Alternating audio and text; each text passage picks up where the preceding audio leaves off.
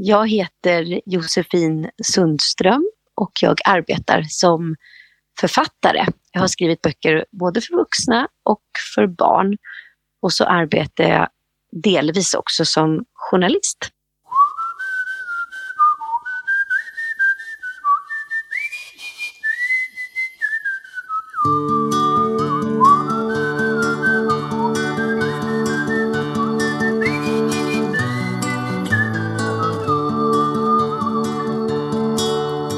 Josefin!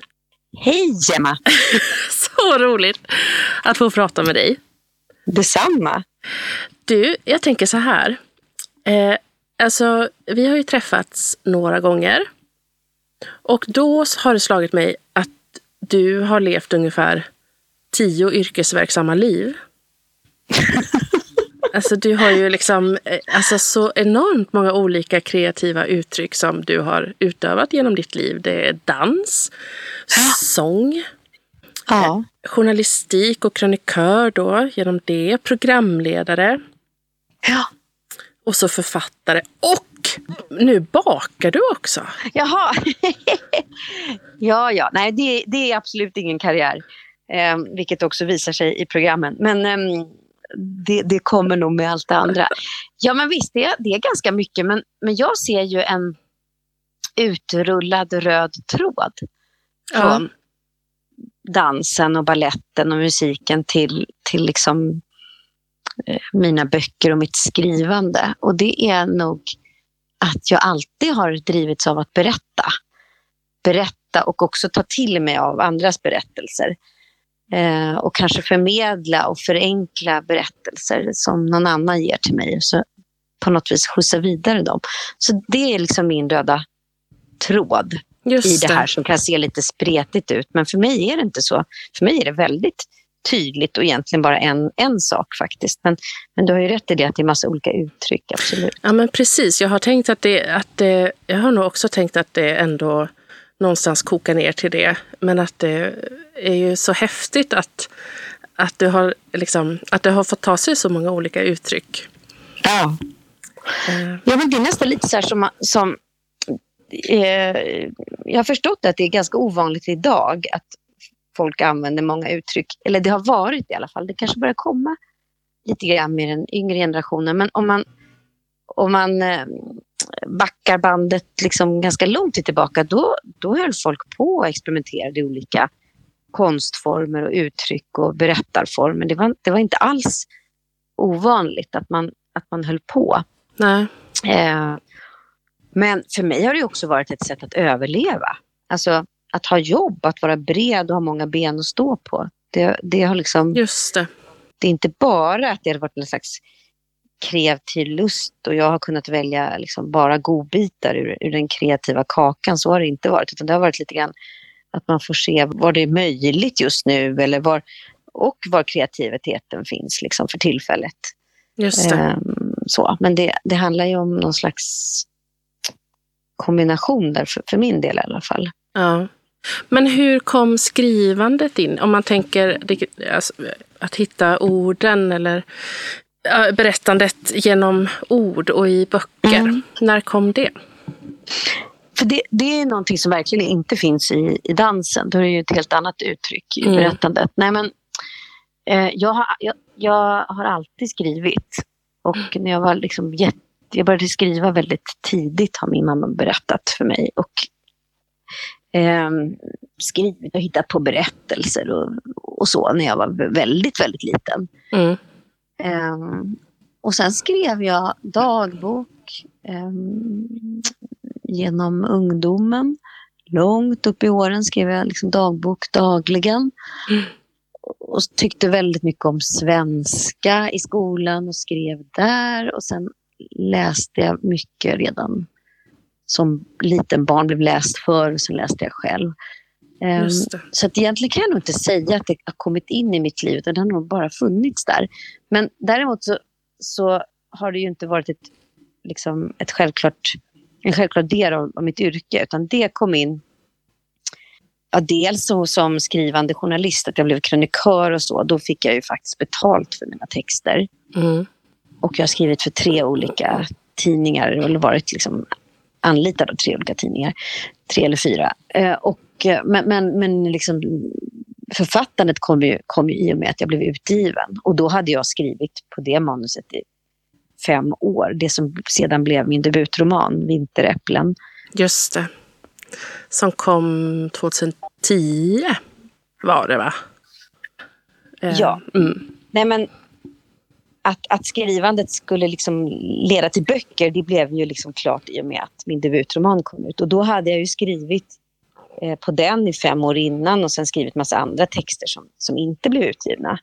Eller jag, inte, jag försökte inte. Så att skrivandet har egentligen aldrig, det har bara pågått. Det, fast det finns ingen, ingen tidpunkt då det började egentligen.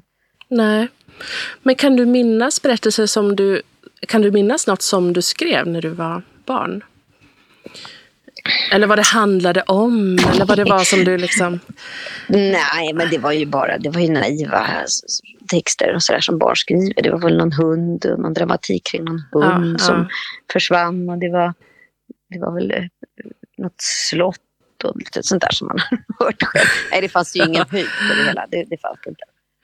Men för jag tänker... Men jag ritade också. Ja, okej. Okay. Då. Ja. Det gör jag inte längre. Nej, inte alls. Jo, jag, jag använder penna och papper när jag liksom... Eh, det, det använder jag ganska mycket. Jag målar mycket. Ja. Men inget, det finns ingen så här, Det finns ingenting som kommer användas i någon... I någon eh, ja, nej men det kommer inte läggas till mitt yrke, tyvärr. Okej. Okay. Hmm. Ja. ja. Säger du nu? Vi får nej, se. nej, nej. Skapandet är liksom det, det, nej. Det, det, det är bara härligt att hålla på. Ja. Men eh, precis, och jag tänker också att din andra roman kommer ut sen två år senare. Mm. Ja, men där hade jag någon slags takt. Jag vet inte vad det var. Det var någon slags skriv... Alltså att jag hade hållit på i fem år med första romanen, det var ju ganska frustrerande. Så kände jag att nu sätter vi fart. Så det fanns någon slags lust och jag ville skriva någonting annat. Jag hade liksom längtat efter att bara få skriva på. Så, där. så då kom ju den och tänkte att nu ska jag... Och sen tänkte jag att en tredje roman skulle komma, men då, då tog det stopp. Uh, och barnböckerna kom in i mitt liv. Att jag liksom, samtidigt som jag hade lite trögt på den tredje romanen i skrivandet så, så liksom kände jag en, en frustration när jag läste för mina barn. Att det saknades eh, högläsningsböcker om mm. vardag. Just det. Och vardagsdramatik för, för barn. Och gärna i den här mellankategorin där det inte är en bilderbok och inte en eh, textbok utan någonting emellan, mellantinget där. Och då började jag liksom skissa på sagasagor och tänkte att jag får skriva själv till mina barn. Mm. Och då så det liksom började med, med, med den berättelsen. Och hur hittade du Saga i det? Hur mejslade du fram den karaktären? Det kom ganska... Jag, jag, tror att hon är en blandning av mig och mig nu, mig när jag var liten och mina döttrar. Ja. Hon är liksom en salig blandning av oss. Och eh, när jag då hittade den rösten och den känslan att hon liksom inte är den här modiga Pippi Långstrump-tjejen som är så här, utan hon är en liksom rätt försiktig figur som Ja, men hon är lite som folk är mest. Ibland är hon försiktig, ibland är hon kanske lite modig. Det beror lite på vad det är. Mm. Eh, när jag kom på det att jag vill liksom göra ett, ett ganska vanligt barn och sätta hennes tankar och känslor i centrum, då, då kom, det, kom hon ganska lätt till mig mm. som, som figur. Sen är, böckerna tar, tar jättemycket tid och bök att skriva för mig. Jag är jättelångsam på att skapa berättelserna, men just Saga är väldigt tydlig med vem hon är. Och även hennes eh, kompis som är granne också, Samir heter han, han är också väldigt tydlig till mig, liksom, för mig. Jag vet precis vad de, vad de skulle kunna säga och vad de inte kan säga. Och det här ligger inte bra i hennes mun och sådär. Så där, det är väldigt lätt. Men sen är själva berättelserna svåra. Och det svåra är att få det lätt och begripligt. Och mm. ändå spännande då. Det, är liksom, mm. det tar jättemycket tid tycker jag. och, och, och så begränsa istället för när man skriver roman och får liksom brodera ut. Det är väldigt härligt. Mm. Uh, här får man bara liksom, här måste jag bara ta bort, ta bort, ta bort, ta bort. Just jag skriver jättemycket mer i varenda berättelse. Jättemycket mer och sen stryks kanske inte hälften, men, men ja, det är, det är nog en, hälften ska jag tro. Ja. Som försvinner. Men själva formen, var den eh, klar? Var den tydlig för dig från början att det skulle vara de här fem... För det är ju verkligen som du beskriver att de här funkar så fint som en liten brygga mellan bilderböckerna och, och kapitelböckerna. Från ja. fyra uppåt, uppåt, uppåt, ja. uppåt verkligen då också. Det är ju, saga hänger ju med liksom upp till ja, men nio, tioåringar. Som... Ja men exakt, de gör det. Och Saga är någonstans mellan ja, fyra kanske då. Fyra ja. år och nio skulle jag säga. Alltså det, de kan vara lite olika. Och där, där finns det ju liksom på, där finns det släktskap med Alfons Åberg som också är i den åldern skulle jag tro. Jag har för mig att jag har hört det någonstans. Att, jo, men precis. Att ja. Gunilla ringade in um, samma där. Eh, mm. Nej, men eh, ja, formen var jättetydlig. Jag, jag, ville att det absolut inte skulle vara då en bilderbok, utan att det skulle kännas som en...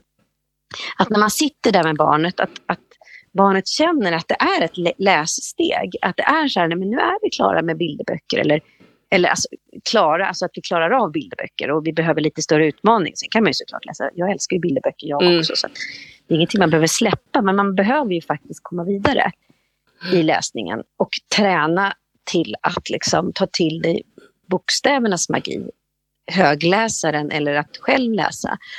Um, och då kan du inte ha allt i bild, utan då måste du ju låta bokstäverna göra jobbet.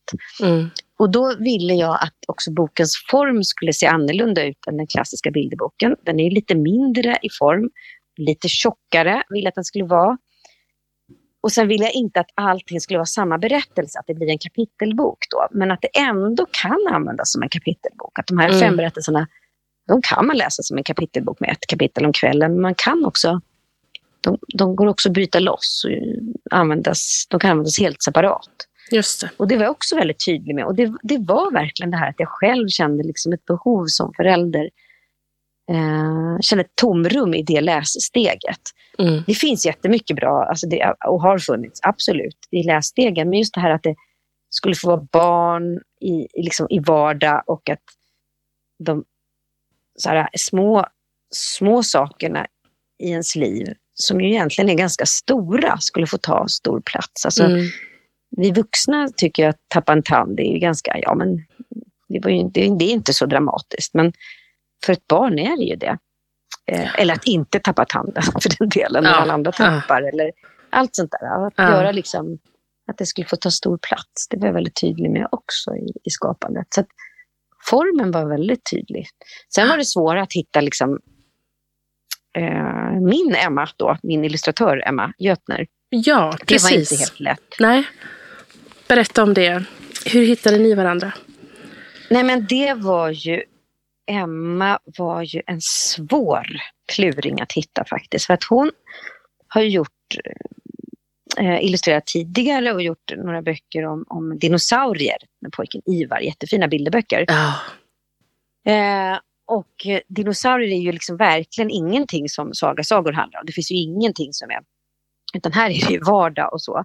Så att när jag såg de här bilderna på dinosaurierna så tycker jag att de var jättefina. Men, men jag, jag eh, tänkte ju inte att det var Emma som skulle kunna rita Saga. Nej. Eh, och, och den här vardagsvärlden. Men så såg jag liksom hennes eh, lite bilder på barn som hon har ritat och såg att hon hade den här blicken och det här jättefina barnperspektivet och också rörelser i barnen. Det finns en framåtrörelse när hon illustrerar barn. Mm. Eh, och då så var det, det måste bli, det måste bli Emma. Det måste bli sådär som man, som man kan känna. Ja. Men vart var du då i processen? Hade det blivit antaget av ett förlag? Ja. Och, ja, och då var det, ja, och då ville du ha Emma att illustrera ja.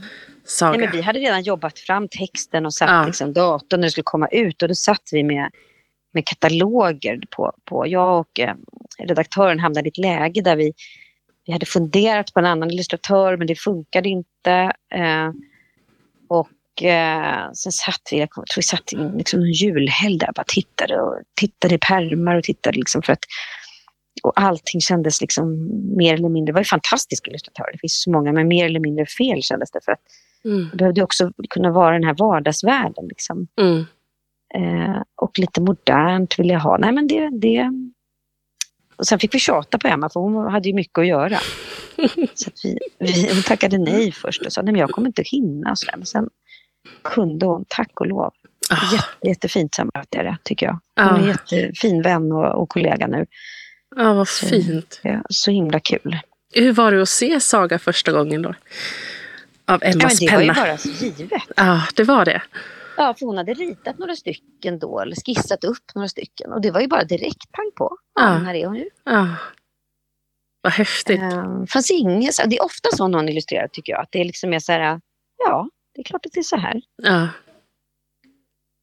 Har ni Mm. jobbat mycket, alltså i, för, i den här första fanns ju då texten och allting var klart Ja. och det var för Emma att illustrera. Men Ja. har, har ni fortsatt jobba på det sättet genom böckerna? Ja. Eller? Ja.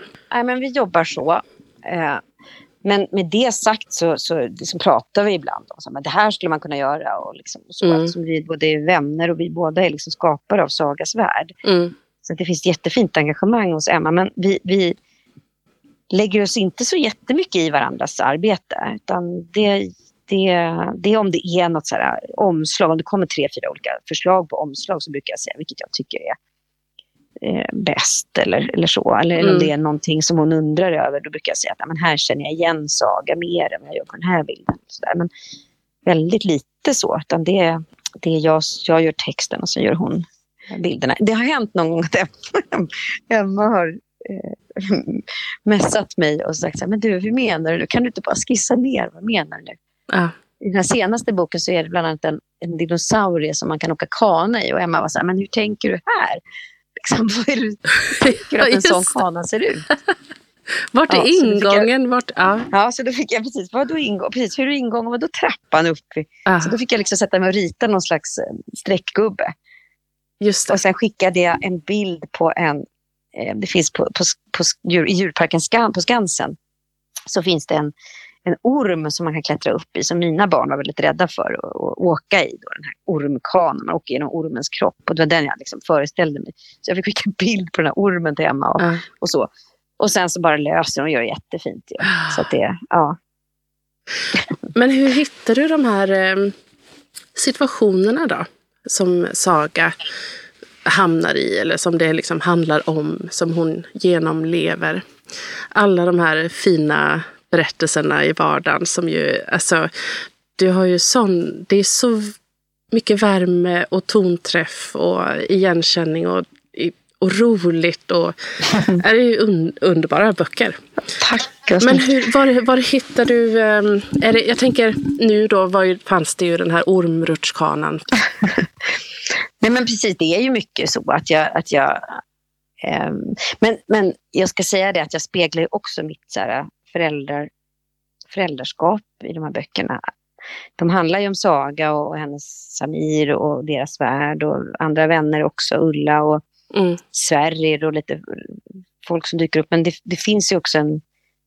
Ibland så är det liksom mitt eget föräldraskap, mina egna tillkortakommanden som de finns med på något vis. Eh, en berättelse är när Saga fyller år Mm. och det var faktiskt när jag själv var barn. Jag, jag skulle ha kalas och mina föräldrar gjorde, en, mamma gjorde en jättefin flödesakstårta som såg ut som ett lok med äppelskivor som var lokets alla hjul och sen var det en helt fantastisk tårta. Hon höll på att pilla med den här och det blåstes ballonger och det var jätte eh, liksom, seriös förberedelse för det här kalaset.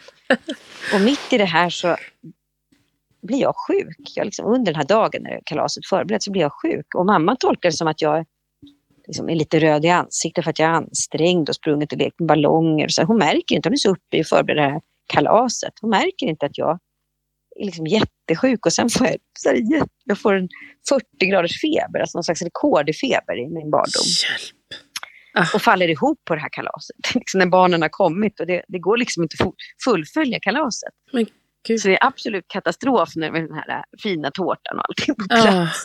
Och då hade ju mamma liksom, hon hade ju bara, hon hade missat det här för att hon var uppslukad i, i Ja. förberedelser och, och jag också säkert. ja. Och sen bara blev det ett fiasko. ju. Eh, så det, det finns med i en, berättelse. Eh, det här eh, när föräldern liksom missar någon viktig detalj på grund av andra saker som kommer i vägen. Just det. Um, ja, men det, det, det är väl ganska mycket. Jag, I en av böckerna, jag har gjort en annan serie då, som, där man kan eh, lära barn att läsa.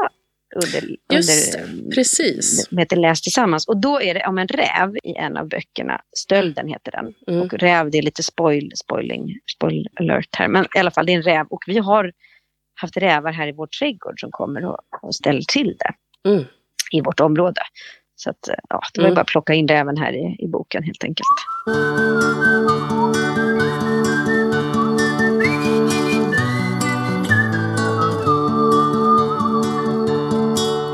Vart förvarar du alla dina, när du får sådana idéer då? Har du, eh, skriver du ner det lite snabbt och har små lappar? Läste eller lyssnade på någon. Ja, alltså, här borde man ju ha ett kartotek Ja, eller program precis. i datorn. Nej, jag har ju inte. Nej. Nej, men alltså, jag är ju en sån som har saker i huvudet. Ja, Det är till och med min debutroman som är ganska, eh, den Vinteräpplen, då, den är ganska avancerad liksom, vad det gäller tidshopp och ja, karaktärer och berättarröster hit och dit. Och allt det där är ju, det är ju verkligen som, som gjort för att du ska ha en vägg med massa post-it-lappar. Men jag hade hela den där väggen i mitt huvud och alla post-it-lappar. Är det sant? Faktiskt. Det, fanns någon slags, det finns någon slags eh, utrymme där. Det är mycket som faller ur huvudet, men just sånt där kommer jag ihåg. Men, men skriver du synopsis eller, eller du har det? Nej. Nej, det är Jag så. gör. Jag gör inte. Nej. Lite så här, jag, några av böckerna är, är ju... Eh, eh, vi har jobbat till exempel i ett samarbete med Generation Pep där det finns en där det finns en faktadel och så. Och där jobbar jag väldigt strikt. Och då är det egentligen mer journalistiskt arbete. Eller som när jag producerar tv för barn. Att jag liksom då är, får vara lite mer strukturerad. Just för att det finns fakta som ska in och vetenskap som ska in helt enkelt Mm. där kan inte jag hålla på och gissa och känna, utan där måste jag ju hålla mig till, till eh, ja men det var superstringent. Och där har jag faktiskt eh, ordning och reda. Men, men vad det gäller det fiktiva så är det så, jag vill ha lite, intuitionen ska tala. Mm. Att liksom, om jag hör Saga säga någonting så skriver jag snabbt ner det. Det, liksom, det ska hända i berättelsen. Det, de tar med mig på olika äventyr. Mm. Det är som att lä- leka att skriva tycker jag. Mm.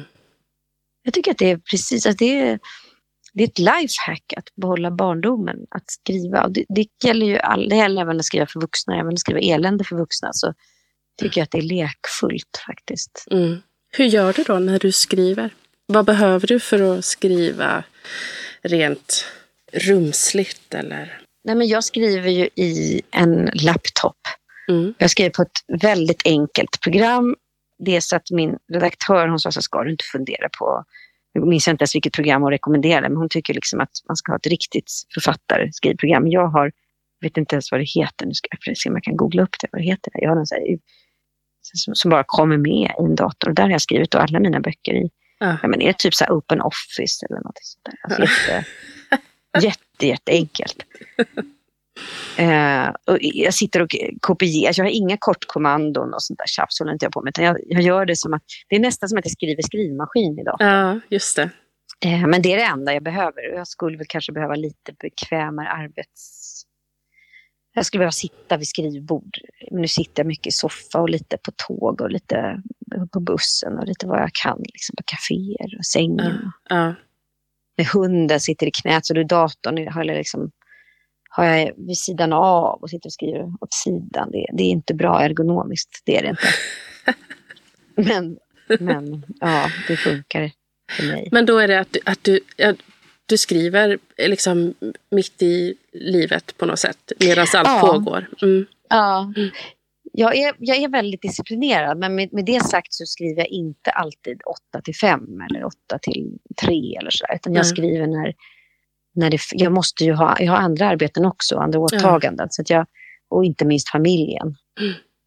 Så att det är ju verkligen att jag får, disciplinen ligger i att jag skriver när jag kan, Mm. Snarare än att jag eh, är så där duktig att jag sitter och sätter liksom igång en klocka och så går jag till jobbet och Just det. så. Mm. Mm, så det är lite splittrat. Men jag, jag tror att jag har, har, jag tror att jag tycker om det. Jag, jag tror nämligen, för skrivandet var så länge en passion och en hobby. Mm. Och när det då blir ens profession så det finns ju faktiskt en hur ska jag säga nu så att det inte låter fel, men det finns ju någon typ av sorg eller kanske tomhet i det. Liksom, att nu blir det här ett jobb. Just det. Eh, så det är lite skönt att det inte är det här tråkiga jobbet, att jag måste sätta igång klockan åtta och vad det nu är. Jag, jag har det med mig hela tiden istället. Mm. Och du behåller ju i det också väldigt Alltså många av dina kreativa kanaler som vi pratar om, eller olika, att liksom ha olika uttryck för ja. ditt skapande. Att det kan också, det kanske är en lösning då i det? Nej men precis, det är ju flera anledningar till att jag, alltså dels tycker jag att det är väldigt roligt med journalistiken och att om det var det du menade med, med de andra sakerna jag gör. Ja, precis. Och modererar alltså du, och programleder. Och, jag, ja. Det är flera anledningar till att jag, att jag fortfarande har flera yrkesben. Dels är det för att jag eh, vill gärna hålla i journalistik. Jag tycker fortfarande att det är väldigt roligt eh, och förkovrande. Och eh, jag har också kollegor när jag till exempel kommer till Sveriges Radio där jag ibland jobbar. Just nu så gör jag Vi i femman. Just det. Jättekul. Um, men sen är det också en trygghet för att uh, det är svårt att försörja sig på böcker. Mm. Um, och från år till år veta hur det ska gå för böckerna är jättesvårt. Om det går mm. bra ett år så kan inte jag veta att det ska göra det nästa år. Så jag är inte så naiv. Men sen märkte jag faktiskt också under pandemin, då det blev väldigt tufft och då försvann flera av mina uppdrag, uppdragsgivare. Just det. Alltså när jag står på scenen och så, det blev en väldigt brutal, ja. liksom, som för, för, så många. Ja. Och då inser jag att jag ska absolut hålla i mina olika eh, jobb helt enkelt. Ja. Frilansjobb. Eh, för att kunna liksom, fortsätta skapa och skriva och mm. berätta, tänker jag. Just det. Mm. Så det är väl anledningen. Men, men, men eh, om jag skulle få välja, om vi säger att jag skulle få välja helt fritt, om det inte fanns något så här, du, du bör eller så, men då skulle jag nog ändå välja att göra de här sakerna, för jag tycker mm. att det är roligt. Och det är lite ensamt att skriva. Ja. Um, och det är skönt att vara ensam, men, men man bara är ensam hela tiden. Och då blir det ju lite mm tråk, tråkigt tycker jag. Mm. Men sen, hur funkar det med... För att alltså, Saga har ju blivit... Eh, men hon har ju fått ett, eh, ett eget liv. Liksom. Och hon har, det har blivit radioföljetong då i Sveriges Radio och så har det ju blivit en jätteomtyckt tv-serie för ja. Viaplay, va? Ja, precis. Och nominerats till Kristallen. Ja. Eh, och så har de översatt så att de finns på jag vet inte hur många språk och utgivna i flera länder och sådär. Nej, men det är roligt att det blivit lite spinoffer. Det är jätte, jätte... Det känns faktiskt overkligt. Ja. Ja, men jag tänkte om det också gör att det blir, alltså, att om det kan vara ensamt att sitta själv och skriva så ja. finns ju alla de här rummen och, och plattformarna som blir det mindre ensamt då kanske? Ja, tack och lov så finns de andra tycker jag. För att jag, är, jag tycker om att jobba i grupp också. Ja. Eh, och jag tycker att vi är ett, ett, team. Nu har jag pratat om Emma som är illustratören jätteviktig i Saga Sagor. Jag har också jag gör en serie till eh, om Damdam med mm. Ervi Lindman som är en fantastisk illustratör också. Men sen har jag mitt andra team. Alltså jag har min förläggare Eva Dalin och sen har jag min redaktör Stina Cetreus och sen finns det ju andra på förlaget mm. eh, som är mina liksom, arbetskamrater också. Mm jag är jätteglad att jag har dem och kan dela liksom både liksom med och motgångar med dem. Mm. Och när vi gjorde SF, SF producerade Saga som, som filmerna i Saga Sagor mm. så var det ett fantastiskt fint samarbete. Det var jätte, jättekul att liksom få göra filmer av, av det. Var ni med mycket då? Både ja, du och Emma? Och Emma. Ja. ja, det var vi. Hur var det att se Saga bli rörlig? Jätte, jätteroligt. Ah. Overkligt och berörande ja. på något konstigt vis. Det är någonting när det, liksom, när det, rör, på sig, när det rör på sig som gör att det blir... Ja. Det är häftigt faktiskt. Det var jättehäftigt. Alltså det är ju, måste ju vara svindlande att tänka eh, alla som Saga har hittat hem till. Liksom, ja. Hur dina berättelser landar. Och, eh, ja. liksom. är det, du har ju sålt en miljon böcker. Ja. Oh med alla titlar. Ja. Eh, men mm. Saga, Saga har passerat en miljon också. Okej, okay. Saga har själv passerat? Ja. Ah, ja, wow. Ja. Jo, nej, det är jätteroligt. Det är så svårt idag. Alltså, jag vet inte om du har tänkt på det, du som har en, en barnbokhandel, en bokhandel. Att förr när, när vi var små och unga, då, då så var en bok, den var ju aktuell i ett år. Mm. Och man hade backlist på ett helt annat sätt i, i butikerna. Idag är det liksom, det är inte alls självklart att du har att boken får leva kvar, utan säljer den inte första veckorna så kommer det nya titlar. Liksom. Det är väldigt mycket så. Därför är det roligt att, att du och dina kollegor som jobbar med nischbokhandel, att man kan få jobba lite mer med Mm. alltså, titlar får finnas kvar Precis. lite längre. Och med det menar inte jag att du måste läsa allting från 70-talet Nej. och 80-talet. Så att läs gärna nytt, eh, tycker jag. Jag tycker Mm. att liksom, det finns hur mycket bra modern litteratur för barn som helst Mm. som funkar bättre på, på barn idag. Mm. Ju. Men, men det är så fint om böckerna kan få leva lite längre än bara en månad. Eller liksom. Verkligen, absolut. The flavor of the week. Nej, liksom. Lite så är det ju nu. Så det går ju knappt att sätta en karaktär eller ett konstnärskap Nej. idag. Så otroligt dömande och liksom otroligt eh, snabbmatstänk i, Ja. i den här delen av branschen. Ja.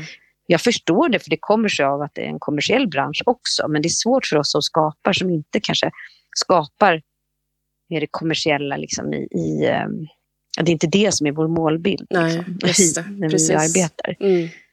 Ja, så det, på så sätt är det roligt att Saga har nått ut, Mm. ehm, tycker jag. Och kärnan i Saga är böckerna. Och det märks när vi gör... Alltså när vi, när vi gjorde tv-serien så ville vi att tv-serien skulle påminna om böckerna. Vi ville inte att det skulle bli Ja, eh, här, istället för böckerna. Eller någonting. Det skulle vara så här, ett komplement till böckerna. Likadant med radion, det påminner om böckerna skulle jag säga. Mm. Ljudböckerna är liksom, det, det, boken är ändå i centrum. Mm. Liksom. Så jag tror ändå att man utgår nog från pappersboken i, i Saga Sagors värld och sen funkar det i de här andra pl- plattformarna också. Mm. Så tror jag att det är. Um, just Saga, sagor i alla fall. Dam, Dam, Dam, den andra karaktären jag jobbar med, det är ju, ingen, det är det är, det är inte ljudbokskompatibelt, utan det är ju småbarnsbok. Så där är ju liksom, det är en bilderbok. Just Där har vi det, liksom. Mm. Men också ett lässteg faktiskt, för det går nästan från pekbok till bildbok. Ja, liksom precis. där- Ja, exakt. Ja, du Ja. jobbar i de här eh, stegen, Luckorna. sprången, luckorna, mellanrummen. Ja. Jag tänkte vi ska Ja. prata om Damdam också. Men jag tänkte bara jag ska också fråga eh, Saga Sagors alla former. Eh, I, I bokväg då så finns det ju Mm. de här med fem sagasagor. Alltså sagosamlingar då, eller? Säger Mm. man? Ja. Mm. Och sen de här som, som eh, läs tillsammans-böckerna som man kan läsa som en egen sagasaga eller så kan man liksom använda sig av hur ni har liksom utformat det för att börja läsa själv och sådär. Mm. Vad finns, det, vad finns det mer för former för saga? Alltså sen, eh, för, ut- Ja. om jag tänker inom bokvärlden då. Ja. Mm. Ja, men precis. Nej, men ja, vi har gjort en ABC-bok Ja, som är lite som en ja. saga, sagor, poesi. Den är fin. Eh, den tyckte jag var jätterolig att jobba med. Åh, Mm. vad den var härlig. Mm. Eh, och sen har vi ju, sen blir det ju lite som i vuxenboksvärlden att man gör, eftersom det är fem böcker i en riktig saga sagor, i den här gedigna boken, Mm. så kan man ju bryta loss och göra en av böckerna till en då mer bilderbok. Eh, och det har vi gjort. eh, Och vi har också gjort det med den här billighetsformaten när det blir som en pocket och det kallas ekorrbok. Det har vi också gjort. Ett lite enklare och lite billigare format är det ju faktiskt. Och då kan man kanske nå ut till sådana som tycker att det är dyrt med böcker. Mm. Ehm, så det, det finns ju massa möjligheter. Men de här läst tillsammans har varit väldigt roligt för att då är, ja, men det är en berättelse och nå, lite här och var finns det ett enkelt ord i versaler som Mm. ett barn då, som precis har börjat lära sig läsa kan läsa själv. Då. Så att den vuxna läser, till exempel om man ska läsa en sida här, så läser den vuxna Det är eftermiddag. Och så läser barnet Saga är ute. Och sen fortsätter den vuxna. Hon sitter på trappan och ritar. Det är mysigt att rita ute i det fria, tycker hon. Det finns så mycket utomhus som man kan rita av. Och sen fortsätter berättelsen då. Sen kommer plötsligt ett litet ord som barnet kan läsa. Då. En svans kan barnet läsa. Och sen Mm. kan den vuxna liksom läsa. Man behöver inte kompromissa med eh, spänningen då. När den vuxna läser det mesta och så får barnet läsa ett ord här och var. Då Mm. kan man liksom upptäcka glädjen att läsa tillsammans. Det tycker jag är ett jättekul form. Mm. Och det är också ett lässteg faktiskt. För det är ju då mellan att bli läst för att läsa själv. Och sen så avslutar vi boken med, med fakta. Lite enkla fakta om vad det kan vara. Till exempel om brand, för en bok handlar om bränder. Då. En bok handlade om stöld. Och då sa jag det att det var räven då som var tjuven i alla fall. Mm. Så då är det fakta om rävar på slutet. Det tycker jag är ett Just kul koncept att jobba med. Ja. Så det finns ju lite olika. Ja. Sådär. Sen har vi fått frågor någon gång ibland om så här, men borde vi inte göra någonting, alltså så här, pussel eller, eller kanske skapa lite saker som också kan finnas i, som man kan ha tillsammans med boken. Mm. Eh, men dit har vi inte kommit än. Nej. Och kommer Saga att kanske finnas med i, i en kapitelbok som kan vara på ett annat sätt? Än de, de här kan man ju läsa som kapitelbok. Men alltså, ja. Eh. Ja, kanske. Man kan säkert paketera om dem också, samla dem annorlunda. Jag tänker om det går, jag menar om tio år så skulle man kanske kunna paketera och göra årstider, en årstidsbok med de berättelser vi har kanske. Mm. När det kommer nya generationer, femåringar. Um, det finns lite sådana möjligheter men, men jag tänker inte så mycket. Jag skriver ju, jag har massa berättelser kvar i mig ja. som måste berättas. Ja. Det är så skönt för Saga är inte, det är jättelyxigt för mig som förälder för barnen växer lite snabbt tycker jag. Mm. Uh, men jag kan ju ha kvar här, jag älskar nämligen fem, det finns två åldrar som jag tycker är särskilt mycket om och det är femåringar och elvaåringar som jag tycker väldigt mycket om oh. att arbeta med. När jag undervisade i dans så tyckte jag att det var två väldigt roliga åldrar att jobba med. Varför då? Vad är det med de åldrarna som, eh, som du tycker är så härligt? Ja, men det är någonting med humorn tror jag som är... Alltså, det är, en femåring är full av humor och den kliver ju in i, liksom, på lite olika, men den, den är, det är en så finurlig del. Liksom, det humorn är en så, så stor del av en mm. femåring. Mm. Och upptäcka glädjen. En elvaåring, samma sak. Där är det också det, är också det här du är mellan att vara stor och liten där. Mm. Där börjar du få liksom, där blir humorn mer avancerad i en elvaåring. Att det blir lite ironi och du kan känna dig jättestor ibland och identifiera dig med, med stora och vuxna. Och nästa stund är du, är du barn igen. Mm. Eh, de är väldigt roliga. Vi i femman är ju, där är de ju 11 år. Mm. 11-12. Det är jättekul att jobba med dem tycker jag. Mm. Kommer du vilja skriva för den åldern också? Då? Ja, kanske. Eller gör, du gör ju det. Så, tänker du mycket på åldrar? Och, alltså, är det... jo, jag gör det. Jag, jag, tänker väldigt mycket på dels vem det är som läser. Då. Mm. Det är ju vuxna som läser sagasagor. Mm. Eh, förutom att de läser tillsammans, men läser ju barnen bara en liten del. Um, och det tänker jag väldigt mycket på. Vem, vem det läses för och vem som läser. Mm. Till exempel när man förklarar ett ord. Jag arbetar mycket med så synonymer eh, för att öka ordförståelsen. Jag tycker det är kul att vara med i någon slags att språket blir spänstigare och större. Mm. Det är roligt att få vara en del i det. Att man kanske presenterar ett och samma ord två gånger och andra gånger upprepar man det tillsammans med synonymen så att man liksom berikar språket. Det är jättekul. Just det. Så jag tänker väldigt mycket på det. Och likadant när jag skriver då för ännu mindre barn, att det är väldigt roligt att vara med i ja. språkinlärningen. Ja. Den upptäckarglädjen är kul ju.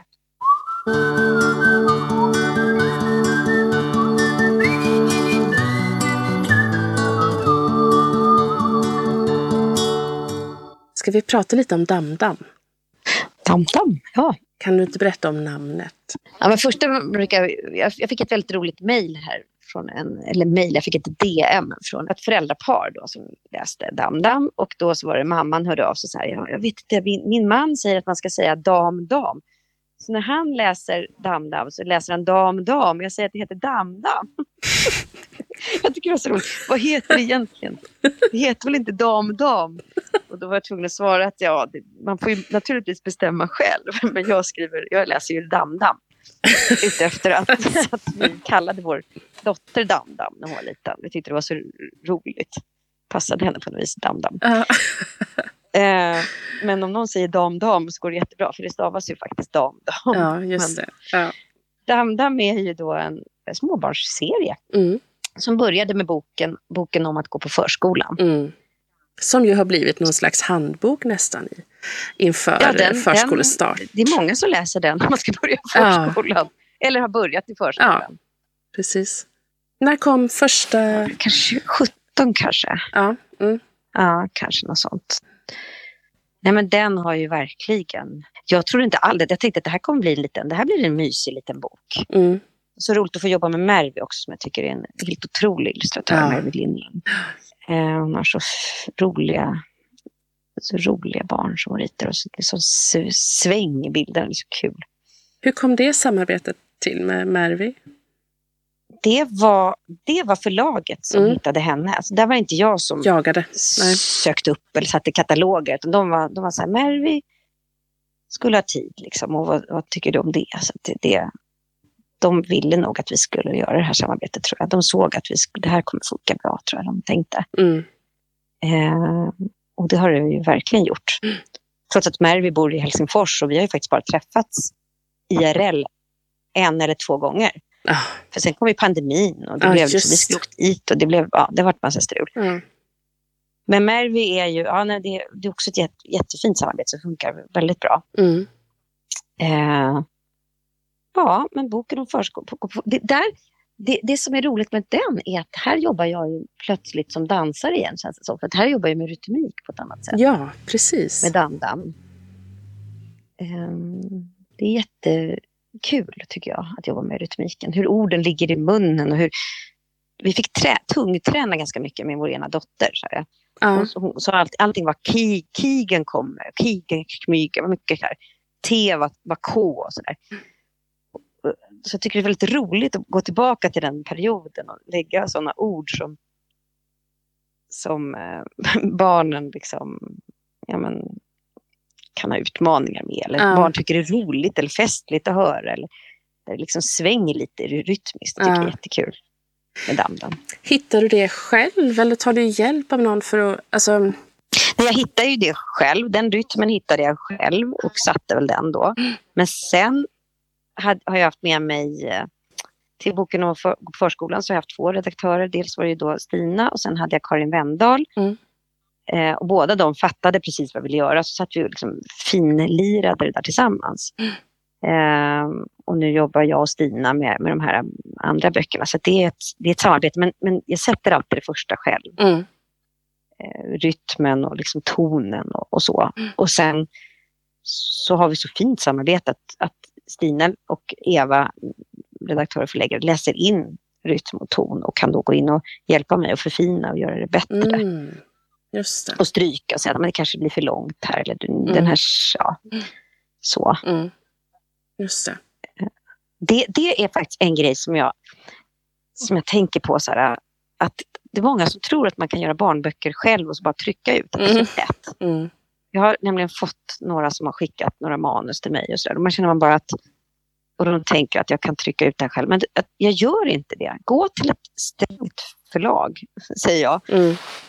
eh, som vill, med strängt menar jag att de vill liksom sila ut det bästa och, och ja, Mm. jobba med att massera texterna. Och jobba med barnperspektivet verkligen. Att, så här, vem är det som ska läsa? Vem är rösten? Vem talar? Man inte byter perspektiv eller att man inte slarvar där. Mm. Till och med vissa liksom, ja, utgivna barnböcker så slarvas det. Jag tycker det, det varvet får man inte hoppa över faktiskt. Sen kan det ju bli tryckfel och sånt. Det kan hända och det har hänt mig också. Och Mm. det är alltid smärtsamt men då har man i alla fall, det är något annat än det här att, att man hoppar över flera, flera steg för man tänker att det inte är viktigt. Vad kan det Eh. vara? Eller hur kan du...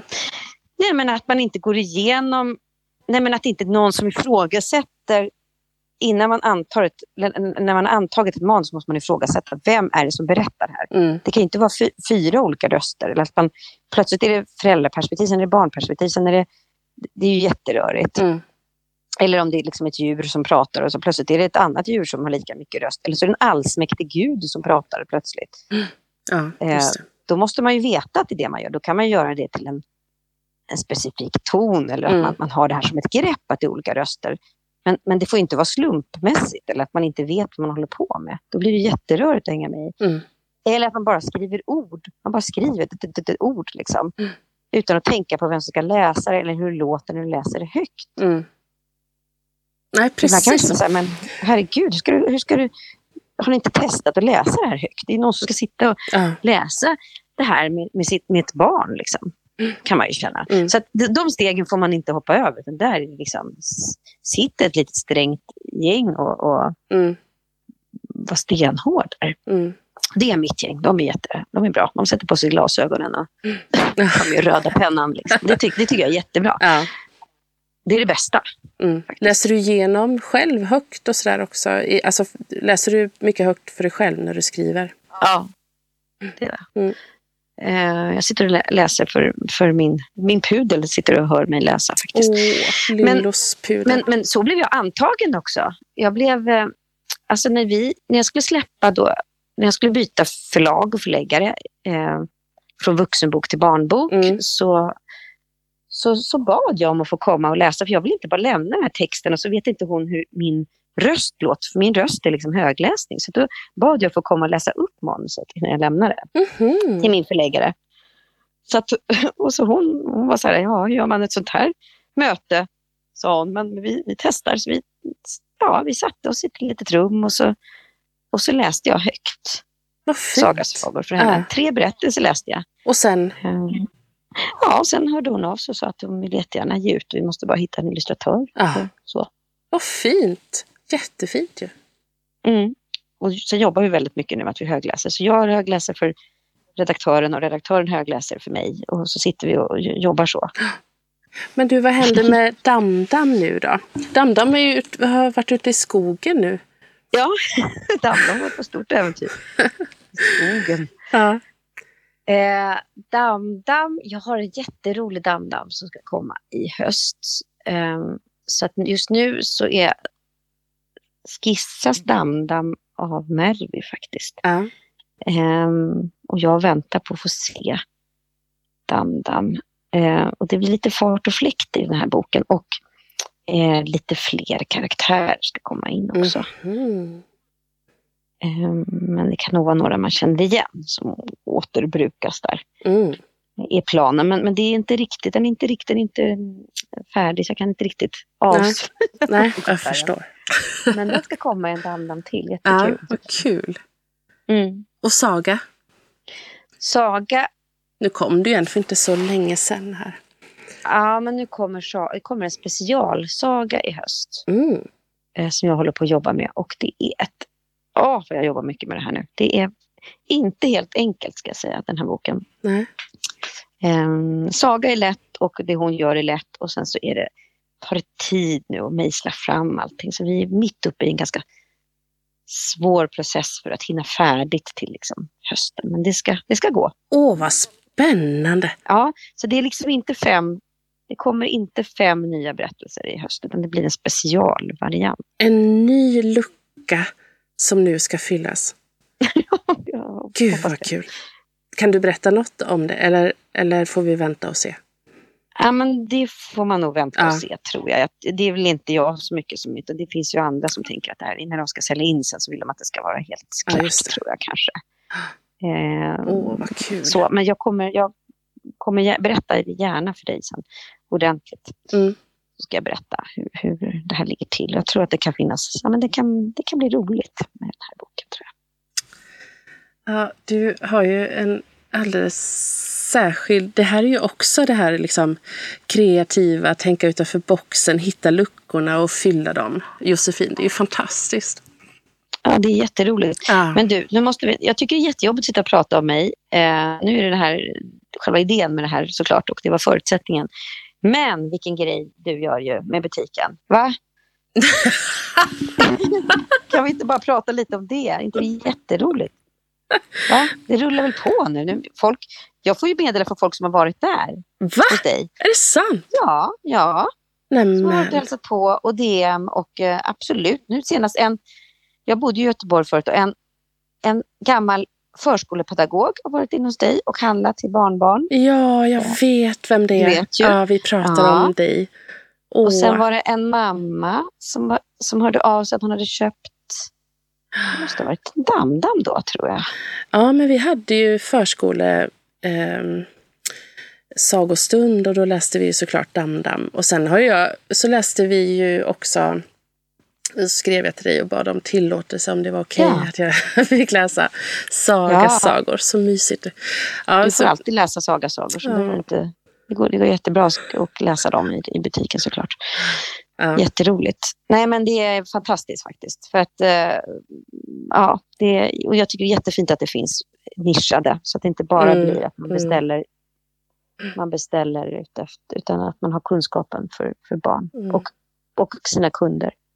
Ja, men, och jag tycker det är verkligen, och det som du sa också då att, eh, att böckerna, eh, för, det är en stor, eh, en stor liksom, motivation som vi har. Eller att, att vi vill ha en liksom, gedigen backlist med kvalitetslitteratur. Men jag tänker också ja. väldigt mycket på att då, för sån är jag när jag läser något som jag ja. gillar och tycker om och en författare som man liksom hittar eller en illustratör som man bara blir, då vill jag hitta mer. Då vill jag, ha, ja. liksom, då vill jag ja. gräva vidare i, i, det författarskapet eller illustratörskapet. Ja. Och hitta. Så då, då tycker jag det är viktigt att alla dina alla sagasagor står här. Och alla ja. Damdam står här. Alltså sådär. Och, och, och man kan också andra. beställa hos dig om det är så att det inte finns. Så kan man alltid också gå in och beställa precis som man skulle kunna göra på nätet. Ju. Ja, för, för, det är en sak till som är så viktig. Det här, nu pratar ju vi bara, men om det är någon som sitter kvar och lyssnar nu. ja, precis. stackare som inte vet hur man stänger av. Eh, jo, nej men alltså att man, att man också utmanar folk, för det är många så mormor och farmor som tänker att vi ska läsa samma böcker som de läste, som sagt. Mm. Men att man utmanar dem i att eh, man, man behöver nästan gå från modern litteratur och sen bakåt och inte tvärtom. Mm. Inte från gammal litteratur till jag älskar ju till exempel Anders Fogelström och gammal litteratur och så, men jag, jag måste först träna mina barn i att läsa modern litteratur för att mm. de ska fixa det. Mm. Eh, och det, då behövs det den kunskapen i, i försäljningen också. Mm. Mötet med kunden, tänker jag. Ja, ja, det där kan vi prata om i, ja, i timmar. Ja, verkligen.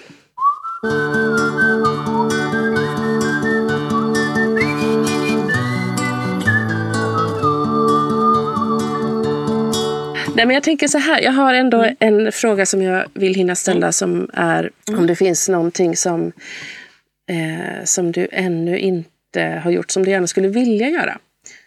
Eh, i, och då tänker jag att det kan vara eh, Tänk i dina kreativa uttryck här nu. Mm.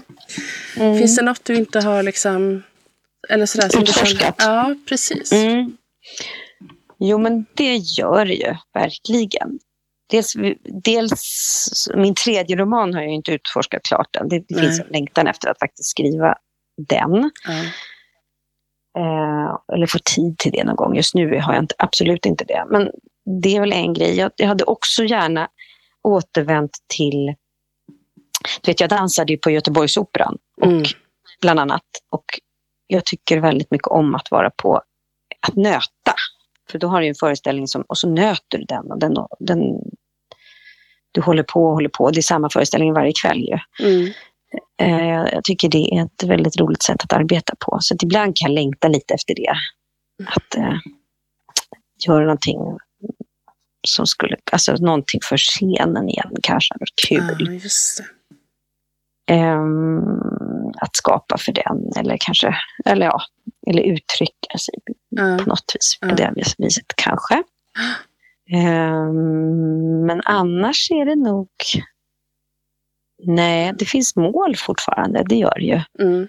Um, jag hade ju tyckt det var roligt också om jag hade kunnat få till någonting, alltså kunna sätta barnlitteraturen på agendan, alltså sätta det lite högre upp i folks medvetande. Det hade, varit, det hade jag gärna jobbat med också på något vis, alltså inte bara som skapare av böcker och berättelser utan också kanske liksom för att sätta debatten eller, eller mm. inte göra den så, för det, det, kan ibland kännas lite snobbig eller lite fjär. Alltså, om man tänker att man inte är så himla konstnärlig i själen själv, mm. um, så kanske man blir skrämd av mm. all den här kreativiteten och konstnärligheten och all den här vurmen för barnkultur och liksom allt det som vi ju har som är där men att få bredda och nå ut liksom, till grupper där man tycker att det är lite märkligt och konstigt kanske det här med mm. barnlitteratur. Det mm. behöver inte vara så konstigt. Mm. Jag, jag, gör det gärna brett och låt oss nå ut till alla. Mm. Men inte slarva för den sakens skull, tvärtom. Nej, just det, precis. Du, är det något som vi inte har pratat om som du tänker att det vill jag få med. Vädret! Nej, vi har, inte, vi har, liksom, nog pratat om allt. Men jag bara kände på, när, vi, när jag var och hälsade på er butik under mm. invigningen. Så var det, dels var det ju jättemycket folk och jättehärligt och så. Men vet du, jag, jag tänkte verkligen på så vad härliga alla Alltså det var så härligt att träffa kollegor och samlas lite och få samlas där i, i liksom den sista länken för att nå läsarna, alltså butiken, det, eller, eller biblioteket då för den delen. Men det, var mycket fina kollegor det finns i barnboksbranschen ju. Ah, Och eh, vad fint att du liksom också har, det är den där länken, det tycker jag är jätte... Så ett tack vill jag bara säga för det, ja, men, oh. till, ja, till dig. Bra. Och då vill jag tacka dig. Och sen så har jag, ehm, eh, då har jag tänkt att jag ska avsluta alla avsnitt med att säga tack och förlåt. Förlåt för vad då? Ja, jag vet inte. Jag tycker det känns skönt att säga tack och förlåt. Och så är det lite, ro Ja, lite roligt. ja, då tack och så. förlåt. Nej, det, är ju jag som ska, det är alltid jag som ska be om ursäkt, så då gör jag ju det då. Men då tänker jag att då Ja. säger jag det nu. Tack och förlåt. Och tack och förlåt. Förlåt själv. Och tack. Ja. Tack och förlåt. Den här podden produceras i samarbete med Empty Studio Recordings. Och jag som håller i den här podden heter Emma och jag driver barn och ungdomsbokhandeln Lilla Bokskåpet i Göteborg. Och det är en systerbokhandel till Bokskåpet och den bokhandeln ligger också i Göteborg.